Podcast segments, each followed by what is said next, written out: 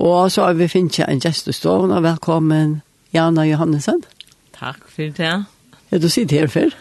Jeg har sittet ofte her før, ja. Har du sittet ofte? Jeg tar vidt her og haft, eh, haft, eh, hatt det her. Storutvendig. Jeg så sin gøy. Å, ja. Ta jo er her alt. Ja, Ja. jeg tror jeg er veldig Jeg kan Ah. aktiv. sånn jo sitte her og kjammer alt. Jeg vet, ja, da følte du det trykket. Ja, ja. Ja. Ordentlig, ja. Til å... um, Du tror vi er veldig i bakgrunnen linten i alle ærene, nesten. da. Ja. Det er Nas- vi. Nesten du kan sende bryr, ja? Jeg vet hvordan vi er ørene går. Øyland er kvar, ja. Haft vi lønner og flyttinger og...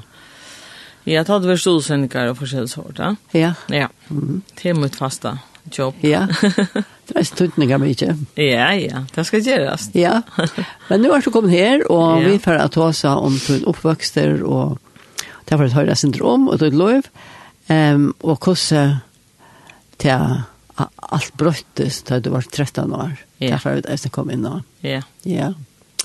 Men vi begynner fra begynnelsen, ja. Ja. Det var Eh, våre folk. er- Ja, jeg er husafrenser, som man sier. Hvordan kan det være? Husafrenser. Ok, Jeg kommer her oppe i huset. og i møver er Ja, i det. Møvei, ja. Ja. ja. ja. Og døtte Johelt og Jon Alekmansbø. Og vi er og fem, var seks, vi er fem syskjen. Og vi er voksne oppe i huset til hun har haft en fantastisk batte. Var det godt å bygge her? Helt fantastisk. Det var frukt sikkert, da. Ølja frukt, og her var så smekkvolt av bøtten og alt. Ja, Ja, ja. Ødel åtte og en fyra, fem, seks parst Ja, som det- bor her. det var Er vanligt, da. Ja, ja. Og det var kanskje ikke sånn jeg trafikker, ikke noen Nei, er bilar. slett ikke. Nei, Det var forferdelig å få alt mot bil. det var faen som et bil, ja. Ja, ja. Så det du, var det. ja. Og så du gikk i skolen, så jeg var ute med sommerbatten og sånn. Ja, vi dag inn i skolen i Gjenese, og det er sett noen åren gikk vi så i Sørvei i Eisene. Og I kjørte 8. til det. 19. da, ja. Da gikk vi i Sørvei. Da ble flott til Sørvås. Å ja. Ja. Så vi kort hver morgen. Og så kjørte du også ned til Giljanes. Nei, Det er her gikk du. nei, nei, gikk vi atter og fram, Ja, inn og heim, og så inn atter, og så heim atter, og så... det her ble- ble det over da. Ja, ja, ja. Men det er fitt pett jeg gikk, ikke det? Ja, det var veldig ikke at hennes bo nordenfor. Det hadde jo øyelig lengt av genka. Ja. Ja. Vi hadde faktisk ikke, altså vi, vi bygde jo innast her, vi Elsheim, ja. Å ja. Så det hadde forferdelig lengt, altså genka, nekva av dem, altså. Det hadde gått så akkurat til min død som en hvit. Hva sier du om? Og ta litt ikke kort at fram som nå. Nei, slett ikke. Nei. Man gikk kvendt den eneste av det. Du, nå har foreldre nok å gjøre mye å kjøre med. Ja, det er var det. Og til å utrådte og alt det der. Ja, det var det, ordentlig nekva, Ja. altså. Så, så du var stilt og eh, frihet opp og møvaje. Ja. Här var- här var fantastiska byggnader. Här var eh, alltså eh men inte ens jag var boende nästan alla här i Snöhuset och i Norrätter. Och ja, det är vi vi hade vi gick och den var alltså vi hade utsev som handbollt och så tar vi vår yngre. Ja, ja. Ja. Men men det var ju så som det är det. Alltså ta vant man alltså en vikna eller vad det var alltså då. Ja, Ja, ja. ja. spaldister. Ja. Fera is faktiskt. eh, Vi fera oss det svå och tja. Ta mig så fera oss till. ja. Fera oss leje svå här en natt. Det här kom hända vi svå där i tjockon. Ja, det här Då låter kom man så. inte fera sig att och fram. Nei, nei, det var langre turer. Ja. Det var sorgar. Leje slaunar. Skala. Det var nekvastans man, man svå. Men helt ikke ta til man så eh, svær og sånn. Helst man fikk en mer sammen alt. Så nekvastans. Så det gikk mer, ja. Ja, det var ikke ringt det gos for, altså du vet som i Nei. det, er altså man var bøtten må ikke være fem minutter fra, så utan foreldrene vite det. Ja, Det det er er bra. Man bra. ikke snakker om det. Du og, og Jakob Sundag skulle ha, sa du? Ja, ja, ja. Kvendt den eneste sondag klokkan tvei, så får vi sondagsskola. Det var sånn deilig fri ikke for eldre som tar ut for sondagsskola. Hver hver var Sundag skulle henne? Han var midt i bygdene, Og i Misjonshuset? ja, med kjønnsåsene, ja. Å ja. Ja. Og Her var brødrene våre etter langt hjemme, ja. Men eh, Ja. vi, vi gikk med kjønnsåsene. Og det var, det var ikke, ikke tvatt, altså. Det var i hele tatt en tvær damer som stod ut og ødlen, ødlen husene. Ja, Det var, det var nemlig, ja, mamma, altså, omma bøtten nå her, nattsatt. Og mannen her var eisen her og forskjellige, men der stod du heila med lutt. Jeg vet ikke, det var flere hundra bøtter åkne. så det klarer jeg er det allikevel. Ja, ikke problem. Og til lærte henne hva? Ja, Ja, ja. så... Så ja, så alt gikk vel, men så var det en lagnet over til du var 13 år. Ja. Da jeg var 13 år, da jeg minnes det så forferdelig vel, vi kom hjem med døde til mannen, og og ta, ta fortalte jeg at, at kjøkjøttene har sendt nedkattel ut, at eh, at eh, at det var å færne i batene. Og her var papp du vi. Her var pappa vi, ja, og fem, fem eh, føringer og fem uslendinger. Og var flere med på, ja? Det var alle skjema, altså her pappa, og så alt rundt om her, bant rundt om her, tar alle herfra. Nei. Jo, familie til pappa. Sysla med til mer. Det var alle, alle du kan tatt. Så huset jeg var i sorglig, altså. Men, men det, det, det var, det har funnet så omgang til atter, og det har leita og i viker, altså, mana, altså, etter dem. Men tog jeg tøtt sendt ned, at jeg fann i batene, ja. Å ja. Men uh, det er sikkert så fann ni vi på atten, det råkna det bare vi. Tog at eh, det er ikke klar måned alltid, det funnet der en gombat, Å ja. og her hekka en uslendingar faster i, vi, altså i en band, ja. Så det er nått affæri i gombaten råkna det vi, men det vi kjørt hva det skjetta. Nei. Det var gos å hålla baten. Til om, om en... Alltså så det fann jag en så det visste jag var faren. Men Ja, annars är så att tojerna så bojar man väl efter att det kom, eller? Att det kom hem.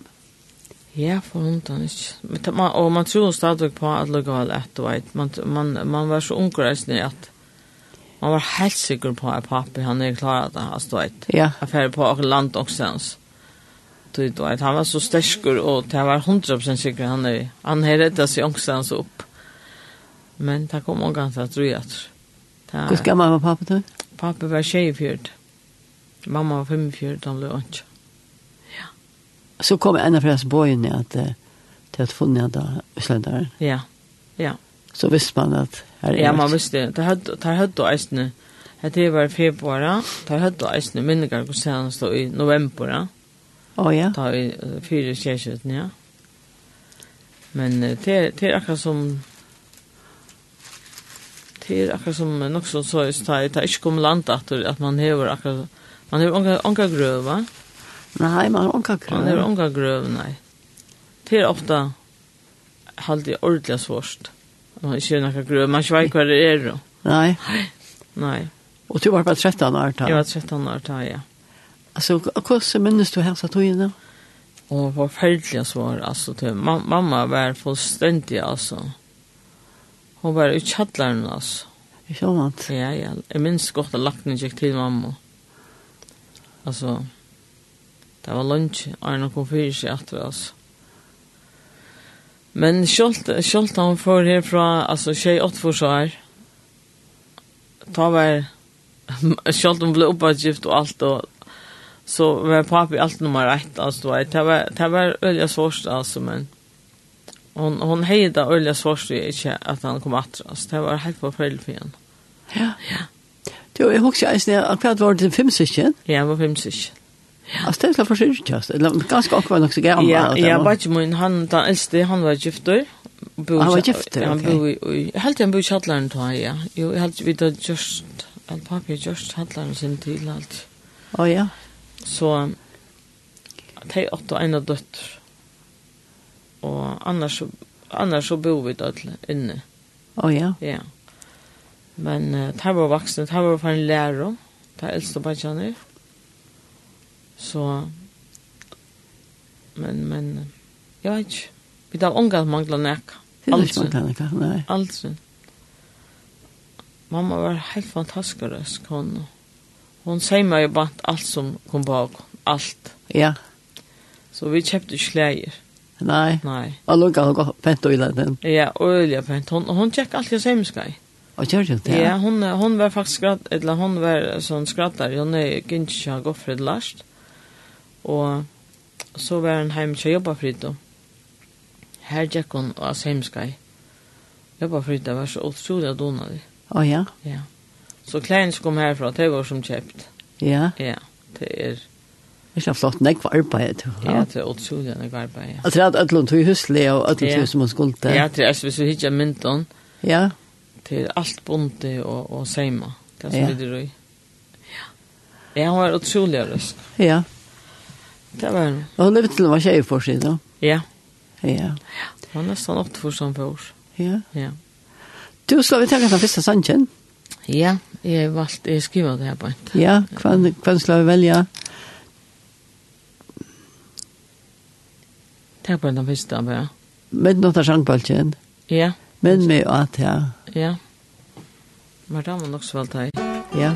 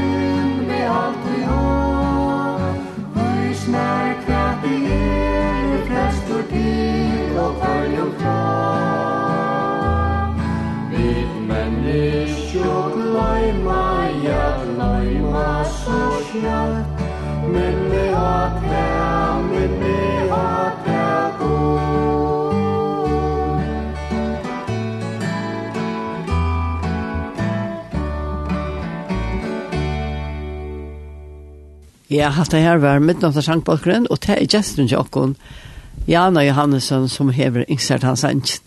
To Jana, tid hadde jeg eisen en ekva, han tålna heima ikke til okken. Ja, vi tatt det fantastisk en god tonelike. Vi tatt det eisne, at søsken spela, Å ja, og pappa kjenner tar, og tar spalt og eisne vi bætjen kommer, tar tar- tar it og tar fem, å ja, og, ja, og tar sjunk og og spalt og øyne, og så var, så var det eisne kåre, ja, eh, vi sønnsjø, sønnsjø kåre nå. her vestre. her vestre i Moai, og her, her, her, her ta, øy, vi vant ofte heimeisene, men vi sunko, sunko og trudene jeg heime tjokken, altså vi tøtt og beie klaver og gitar, harmoniker og ja, her var alt, og mamma hun elsker i musikk, Det er det jeg selv sier, ja. om hun ikke spalte, så tok hun alt opp og, og og gitar og alt så at jeg skulle standa framme, jeg skulle ikke gøyma snaksans, jeg skulle standa og gulven og Standa ta framme, ja. stativer og henge opp og Så du har vært oppvoksen ved en, og en heim ved klaver. ja, ja, her var alt. Her var alt, ja. Ja, ja, Bajan har spalt øren ikke veisne, så begynte vi eisen spela, da vi ble, ble til gamle. Altså, du tror ikke bare ikke og tverrsistre. Ja, ja. Så vi har alltid sunnjenek, og vennindan kommer Elsa. Hon hever, eh, vi har alltid sunnjenek sammen, jeg og Elsa. Vi har reist rundt, alle sånne sunnje. Og her til, ja. Ja, ja. Så jeg spalt gitar, og vi sunko. Ja, Ja, ja, vi var eisen i Norra, og Jinko av Haskola. Ta sunko vi rundt alle sånne Norra, jeg og Elsa og Visa. Og mest jeg og Elsa, vi sunk, vi, men vi tar sunko og Julianek. Men eh, med Stranjakloret, det er, det ble øyelig enn jeg vant inn tjokken. Her, her samles alt, altså, ungdomren, eh, eisen tjabatjona. ja. Så her ble øyelig enn jeg sunko. Det var fantastisk å vekse opp i, Ja. i, i, i Sancho. Alt det står og avverska. Ja, tar spalt og allir og i strøndjakøren og ta eisne. Ja, det Strandja var- kor ut gärna som hör till missionshuset. Ja, ja, Åh ja. ja. Du, og, og når er du selv, men minnes når er du er kommet til personlige trygg, vil at ikke støve? Eh, Ja, faktisk eh, i oppvokst med Jesus noen, og, og jeg pleide å si det her, at det var ikke som idé, altså det var, det var nok så strevig å si det med hver som med Jesus noen. Og midten spore han vår halvann tøym og så, så, så man sier at ofte svev ikke var på sin noen, og vi fengte den ikke noen svev. Så det ble ofte så forferdelig lunsje, og, og vi så det ofte, jeg ble eldre, altså det var det, det Nei, Man, man, men- man orskar ikke det stutler, du vet, da, så vi Nei. sånt ofte gjør hendene tjokken øren, jeg og Elsa, og forskjell sår, altså, du vet, det ble så forferdelig strøm. Men her brukte vi nekva tog, altså, vi, eh, ja, jeg halte at jeg halte jeg var om, om 14-15 år, da vi, da jeg kom til trygg, altså. Ja, personlig. ja. Du, altså, er vi det, um, her, ta, altså, det vet jeg hva jeg har vest, vi har Ja. først noen. Mm-hmm. Mhm. Har du opplevd det, Eisne? Ja, ja, ja, vi, det, det var Øyne Gjalkum Davidsen, og, og, Thomas Kjol Askam, alt her. Der hadde møter, fantastisk vesinger møter, og, og så tar normennir. Og jeg sitter nå, der er det um, Langemyr, Å ja, ja, og han, som var vi om alltid. Sett han. Jeg glemt navnet ja, av han som var vi i Langemyr. Men, men tar, tar bare var alltid, tar var ofte før han hadde møter.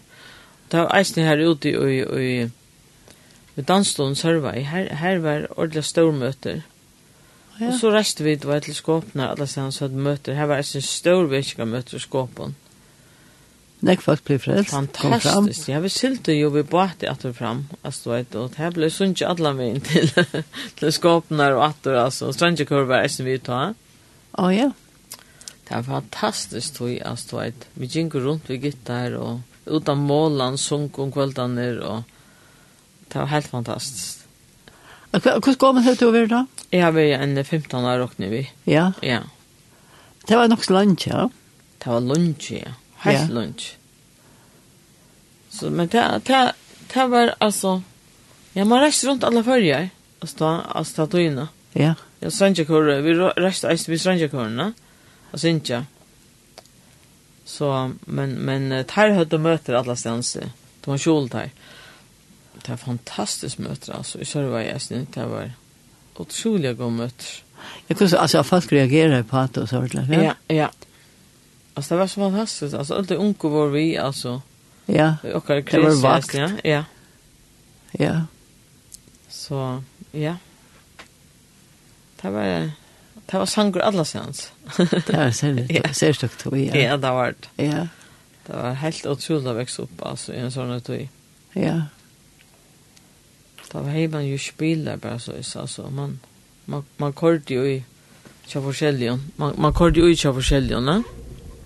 Ja, ja. Ja, man hei ikke. Og ja, man sylte og, og så kort er det bare flere for halvtid, og at hvis man skulle til- til Sørvas og Sintja, Ja. da har man ikke biler. Alltså visst det var samtidigt och så måtte det även något här och sånt. Ja. Ja, ja, ja. Da bor man ikke på alt. Det var inte fast. Ja, ja, det var utrolig hånallet, altså. Ja. Ja. Vi var sånn ikke unge, så får vi, ja.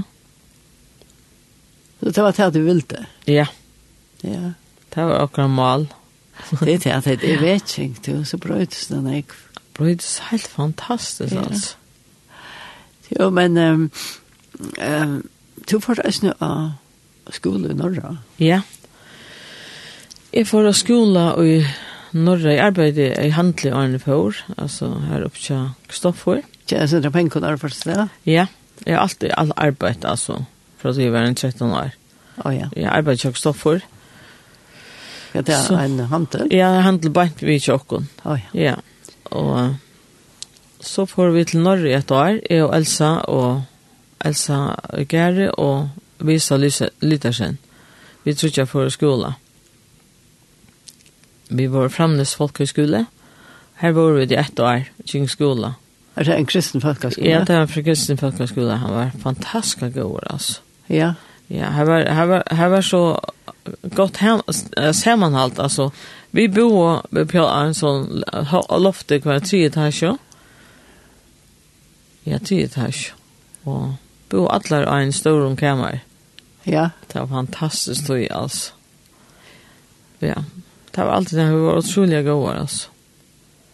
Det var jag 16 år, det vi kom i det. ja. Ja, Så det var knäck på sig ur tog i tog in i eisen. ja, ja. Fast men jag har nog snakkat om familjen um norra. Og huset, Fa ja. Fast min var gift norra, eller jag var gift norra i Nekbøtten her.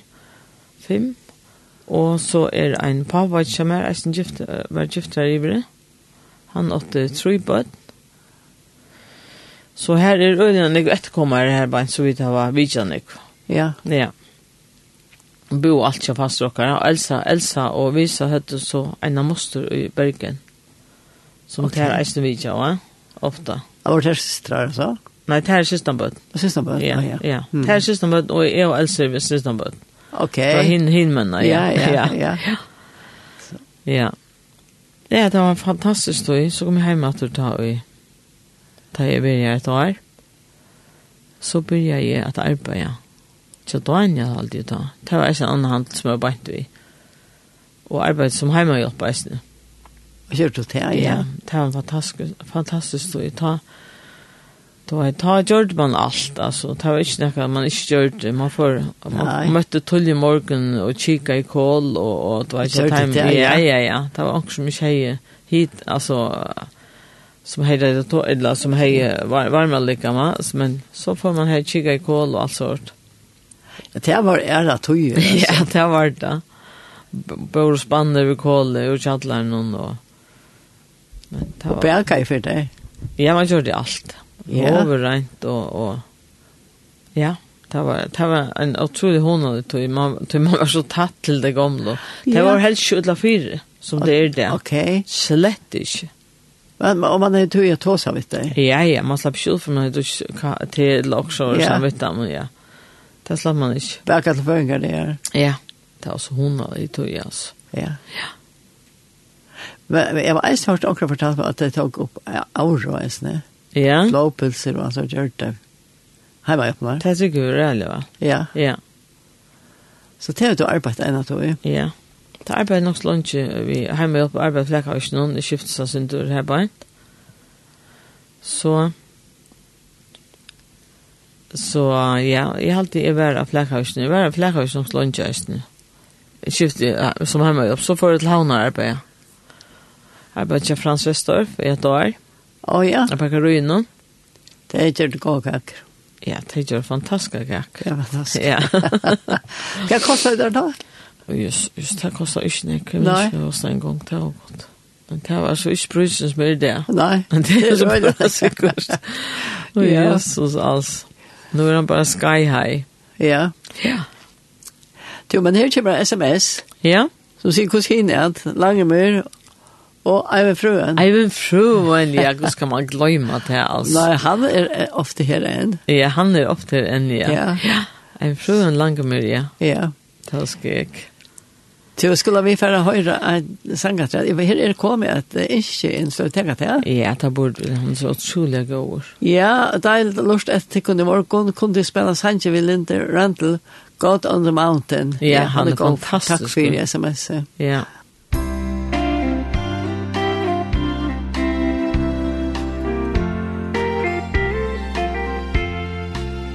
Life is easy when you're up on the mountain and you've got peace of mind like you've never known.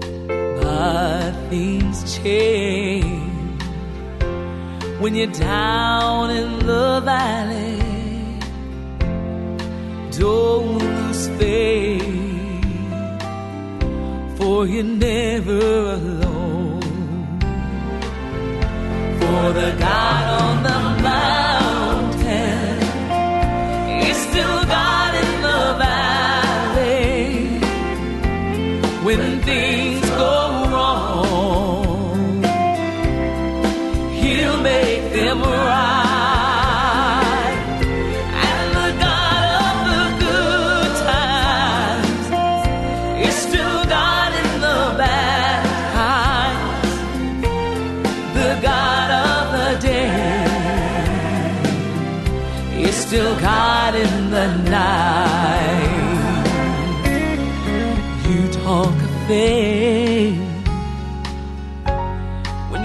on the mountain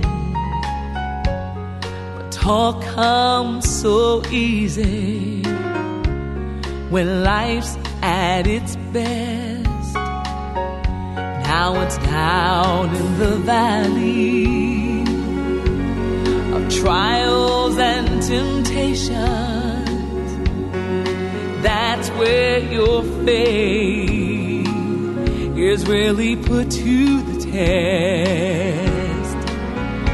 For the God on the mountain is still God in the valley. When things go wrong, He'll make them right. And the God of the good times is still God in the bad times. The God of the day is still God in the night. The God of the day is still God in the night.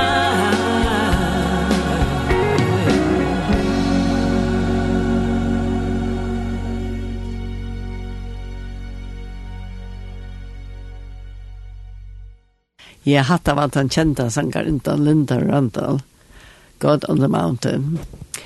Og mm, jeg tog seg med Jan Johansen, hun er gestre her. Og vi var her at du arbeider til Frans, av Ja. Bergaroinen her. Ja. Her arbeidde jeg et år, kom sammen med Jasper Ta, Jasper Johansen. Og vi får, oss- jeg får så nyere at arbeide et halvt år. Og Jasper får tørne over til at, eh, Sviger må si at jeg skulle få nyere å lære, at det, at det var det beste som var, altså. Og Och ja, Han, han var så törnad att hans svemor stod där Maria för att nere att läsa. ja. jo, jo, jag får sin nya första arbete i Köpenhamn ett år, nej, halvt år. Och så kom vi upp att arbeta i Alzheimer. Och så, jag tar för i att arbeta i Västre. Jag har alltid att det var eh, som hemma jag tar i mittlen. Så får jag nere att läsa i Aros. Og ja. Ja, och Jasper han var stadigvæk i havn. Og han kom ikke vi. Han kom ikke vi, nei. Nei. Han måtte være hjemme og arbeide. Faktisk, jeg vet ikke om Jasper ikke man stamta, men eh, han, han eh, er først nyere å lese i et år. Lille, lille, til 20 år. Sjukkerhjelpere, ja. Ja. Og kom hjemme etter i desember, og i Trujefors, og ble gift og i Fyrefors, og i januar Fyrefors. Å ja, Ja, så, det er nekva år nå. Det var fjørde år nesten. ja, til. det er fantastisk. Ta gong kjøtta. Ja, det er fantastisk. Så vi har altså fyra bøtten og fem ombøtten. Ja, Så det er en ryke dævor. vi tenker ikke Det hva var det glad eneste for dævor, ja. Ja. Ja, Um, um, Jasper, han började så, så egna verksamhet. ja vi byrja jo, vi, Det låter vi byrja jo okra ekna viksum i, i Norskala. Hødde da og i kvart. Hødde nok slunch 20, 20, nei, 20 år kanskje, ja. Men vi, vi selte oss Norskala for noen år siden. eh? Og her var så bare, vi hadde tjejhandlar ta, og så nå har vi bare Grønlandsveien. Å ja, Ja. tjej han har inte varit redan krävjant. Ja, det er nesten ikke mer krevende enn en. Ja, inte det. Nei. Jo, men alltså, du har ju arbetat några år som uh, Ja, jeg får jeg Som arbeid- sjukehjälpare? Ja, jeg arbeid som- Samstundes? Ja, som samstundes. Så jeg arbeidde ute i hospitalen og, psy- og, og psykiatrien i 12 år. Så får jeg lovgare, lovgare, og arbeidde her eisen i en 12 år halvt. Å ja, Ja, det er, jeg har alltid elsket gåenfolk. ja. Alltid, det er mye, altså. Eller det, Ja. ja. Jeg elsker gåenfolk. Jo, men men psykiatri er är något svårt att arbeta här. Det var en virkelig god tøy. Det var, eh, altså, det var en lukka del, men det var eisne lukka del på grunn av at vi tødde noen gommel som rymte eisne, ja. Å ja. Og ta mest, men, men ta heit, høyde ofte lukka delter, altså, det var det er ikke med det. No. Nå er nesten alt åpent, det er faktisk, det var, jeg halte det var faktisk en lukka delt nå, Ja. til tve, er ja. Så ta var det mer stonkt. Ta, fyra var eisne stonkt, da, altså, ta, nå er alt åpent i det. Okej. Ja. Så det er är bröjting ut. Ja, otroligt stor bröjting till det bättre. Ja. Ja. Och så har det väl lågare, men så att han att det er så hur då arbetar i handeln. då. Ja, så är vi bara i handeln tjockon, säger hon då. Ja. Ja. Och det är där man där resten väl. Ja, ja. Det är... Man är... Och jag tänker, alltså nu har du mer, allt du låg mer i Sancho sort. Fast så tänker vi sankmar. Jo, vi vi sisten syns jag är av förskilda sänders, men till öliga lite bachan spelar nog snägg ute. Ja, ja. Men eh, men eh, tar spelar ofta till till dans så där ja. Okej. Men det är eh, men jag är i mig så snart. Och här eh, här syns jag fyra is nu och vi har haft faktiskt en kvinnekår i mig så snart som jag syns ju i. Det är så inte aktivt bara nu. Men eh, men är aktiv i, i Sanj, mig Det förstår jag. Ja, ja. Så du har haft en kvar glädje att du rött. Ja. Jag Och brukt älskar, alla. jag älskar Sinch. Sing du ens med arbete och så. rätt? Alltid. Ja. Ja. Jo, men, men det är ringt till Tøynetjår. Ja. Ta vart det akkurat kom hem från Venjeng. Ja, flåbolt. Flåpost. Ja, ja. Ja, jeg spiller vi flere første delt. Første del, det er jeg som får ut. Ja, Ja, det her gjør ordentlig fint, ja. Men er- vi der, vi der nok noen kvinner, og, og min aldri oppretter og nyretter. Og den eldste tjokken er kvæt. Hun er nødt trus. Hun er ser aktiv. Og, og ja, vi elsker flåbolt. ja, ja. Det elskar er vi. Vi vänjer tvär från vikna och spelar dyster och ja, vi spelar dyster eh, cirka ja, vi tar var cirka en, en om månad cirka här, mittla tvär om månad. Ja, Men det er stort litt at røre seg vid noe som man tog med vel. ja det är Ja. helt fantastiskt. Ja, Ja, vi, jag har alltid spalt, alltid spalt eh, alltså handboll och, och flåboll. Men, men det blev för nek, så jag, spal, jag, spalte, jag har bara spalt flåboll alla senaste åren. ja. Ja, Jo, ja, nu norskast det enten ganske, men eh, Ja. vi tar en sangatræt, så får vi det at eh, rundt det av. ja jag hade nämligen höra att han sanns jag vet om innan. Ja, Bæði minn er så utrolig donalig og alt meir, eller man spør. Han gjør sanger og lø, alt sjølver. Og han er en, en størskalt, altså ordentlig. ja. ja. Ja, Så vi får her høre en, eh, en sang til noen sov nå, Valtmar og Vindfølk.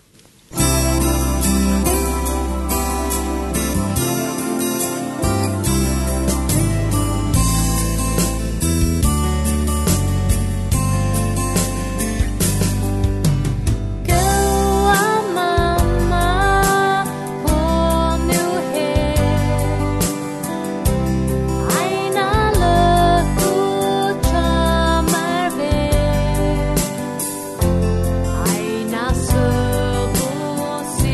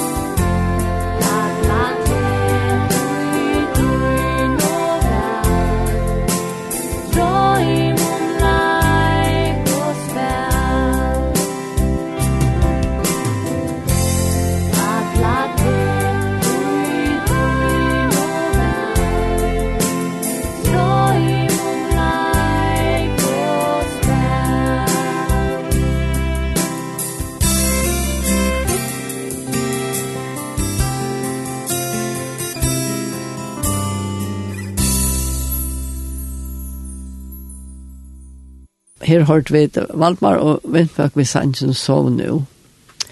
To gjerne vi er kommet til enda når jeg var sned, men altså, vi var inne og sned at to miste pappa da hun var 13 år. Og til boja i boja etter høyre fra, og så gikk vi, hvordan er bateren? Sjøkjøttene. Sjøkjøttene, ja. Ja. Og, men jeg husker, du er 13 år, altså, hvordan tåser du vi, eller tåser, tåser man ikke om det nå, eller hvordan gjør du det? Nei, man tar seg slett ikke om det.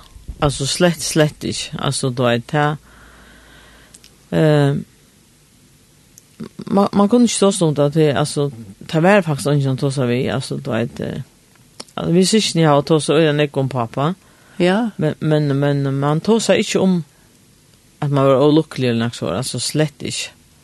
det Det hei man hei för själva någon kväll det um ja, man grät sånt ju och men men eh, men att det som du säger är snäll snäll Beren han är fantastisk jag tar emot sig vi är som eh, som missar det Ja, att att det kommer färra till att här Beren och få Få jobb jobb. här på hus man vill och här och ta sig vi onkrarna och och men i allt det viktigaste löven någon till er inte bli bitter. Det är att eh, att bli bitter eh, man ödelägger faktiskt liv för sig själva och ånder. Och jag har alltid sett mig för det att jag skulle i ångan bli bitter. Det ber jag alltid om att att jag ångan måste bli bitter men eh, man, men man har det ordet ringt en tog att man tror ju inte på näkan nästan tog att tog man tog att eh, det är ju det är berande att eh, man vill beskytta och allt det där forskjelliga man tar man byr att inte ska hända och men Louis är ju så läs. nei, Louis är ju er bara dansa rosen. Det är det är er- man ska eisen söka Louis som fantastiskt um runt om sig allt det som man finner familjen och min syskon och ma min mamma. Alltså jag har fantastisk syskon. jeg tror stora familjer rundt om Ja, det. vi samlar oss eisen nu ta i Altrusjärlien att ha minkar halt här väster nu ta pappa ta Altrusjärfären. Det var det cirka, altså, Det nu var i år. sist jag sista söndag. Var det sista sånt, å ja, Nei, na, nassist, omkylde nassist sundag, ja. Da var vi ødla i kyrkjo. Så åt vi saman Pollastov og Sørvei, var saman atlan dagen. Og det var virkelig deilig det var, altså. det var, jeg husker hvis vi husker atter, altså hvis fem møvengar var vi, så var, uh, så var det avvirket alt at det økje her. Alt det heila, Ja. ja. Alla vikna men ja. Ja, ja. Och det var vi i kyrkje ganska isne. Ja, det Ja, var, men det- det var, men nekva av dem i færena, men, Ja. men, eh, men eh, nekva av dem var her i kyrkjo, ja. Og øyla nekva, nekva, altså, nekva åndveis munga var her, ja, som, som, Minnast. ja, som minnas tøyina. Ja, Så tid hade minningar halt och så var det samman syskene. ja. Ja, åt samman det men eh, er och familje så där stora ja. bara min syskon vid i fors Ja. så vi det blir rättligen jag så Det igen blir vi en ägg. fem bör till Ja, ja. ja så det är fantastiskt Så så det var en god dag väl. det var en deilig dag var ja men er det... eisen jag såg att det, det som man hever i dagtiden runt om sig alltså Ja. um det är fantastiskt att, att bara det här livet alltså och här var gott liv Det går jag tacksam för. helt otroligt ja Ja. Det här är jag också. Jag har vurslat när jag var tacksam för det. Man får inte allt man vill i livet nu. Nej, Nej, det får man inte. annars är det Men att eh, sätta pris på det som man häver. Som man häver, ja. Virusmätat det. man helt ser det så. fantastiskt, ja. Ja. Så Ja. ja, Jana, Ja, tack för att du kom till morgon. tack för det, ja. Ja, Själv verkligen tack. höra. Detta var en skönt kväll. Ja, Och då heja en sangaträd. ja, Jag hade vi fra- enda vi honom.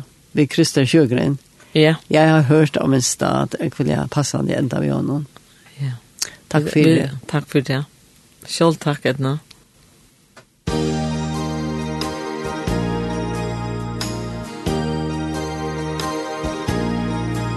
Jag har hört om en stad ovan molnen Ovan jordiska dimhöljda länder Jag har hört om de solljusa stränder Och en gång tänk en gång när jag där Halleluja jag högt måste sjunga Halleluja jag går till den staden Om en stegen blir trötta och tunga Bär det uppåt och hemåt ändå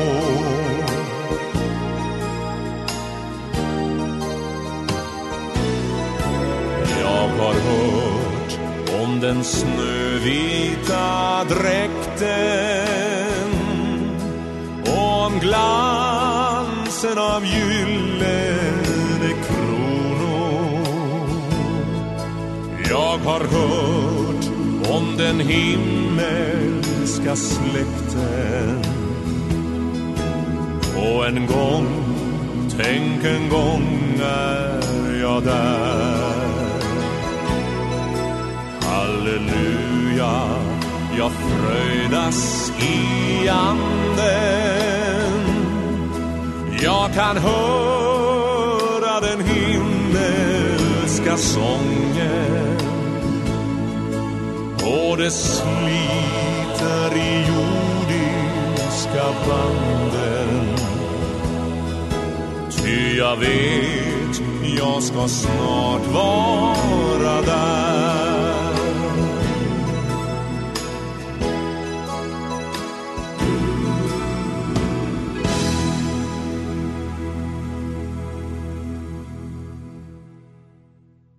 Att han har samrövna vi Jan Johansen så hörde vi sanchen. Jag har hört om en stad vid Krister Sjögren. Och det var det senaste vi tävade av skronnen här och där.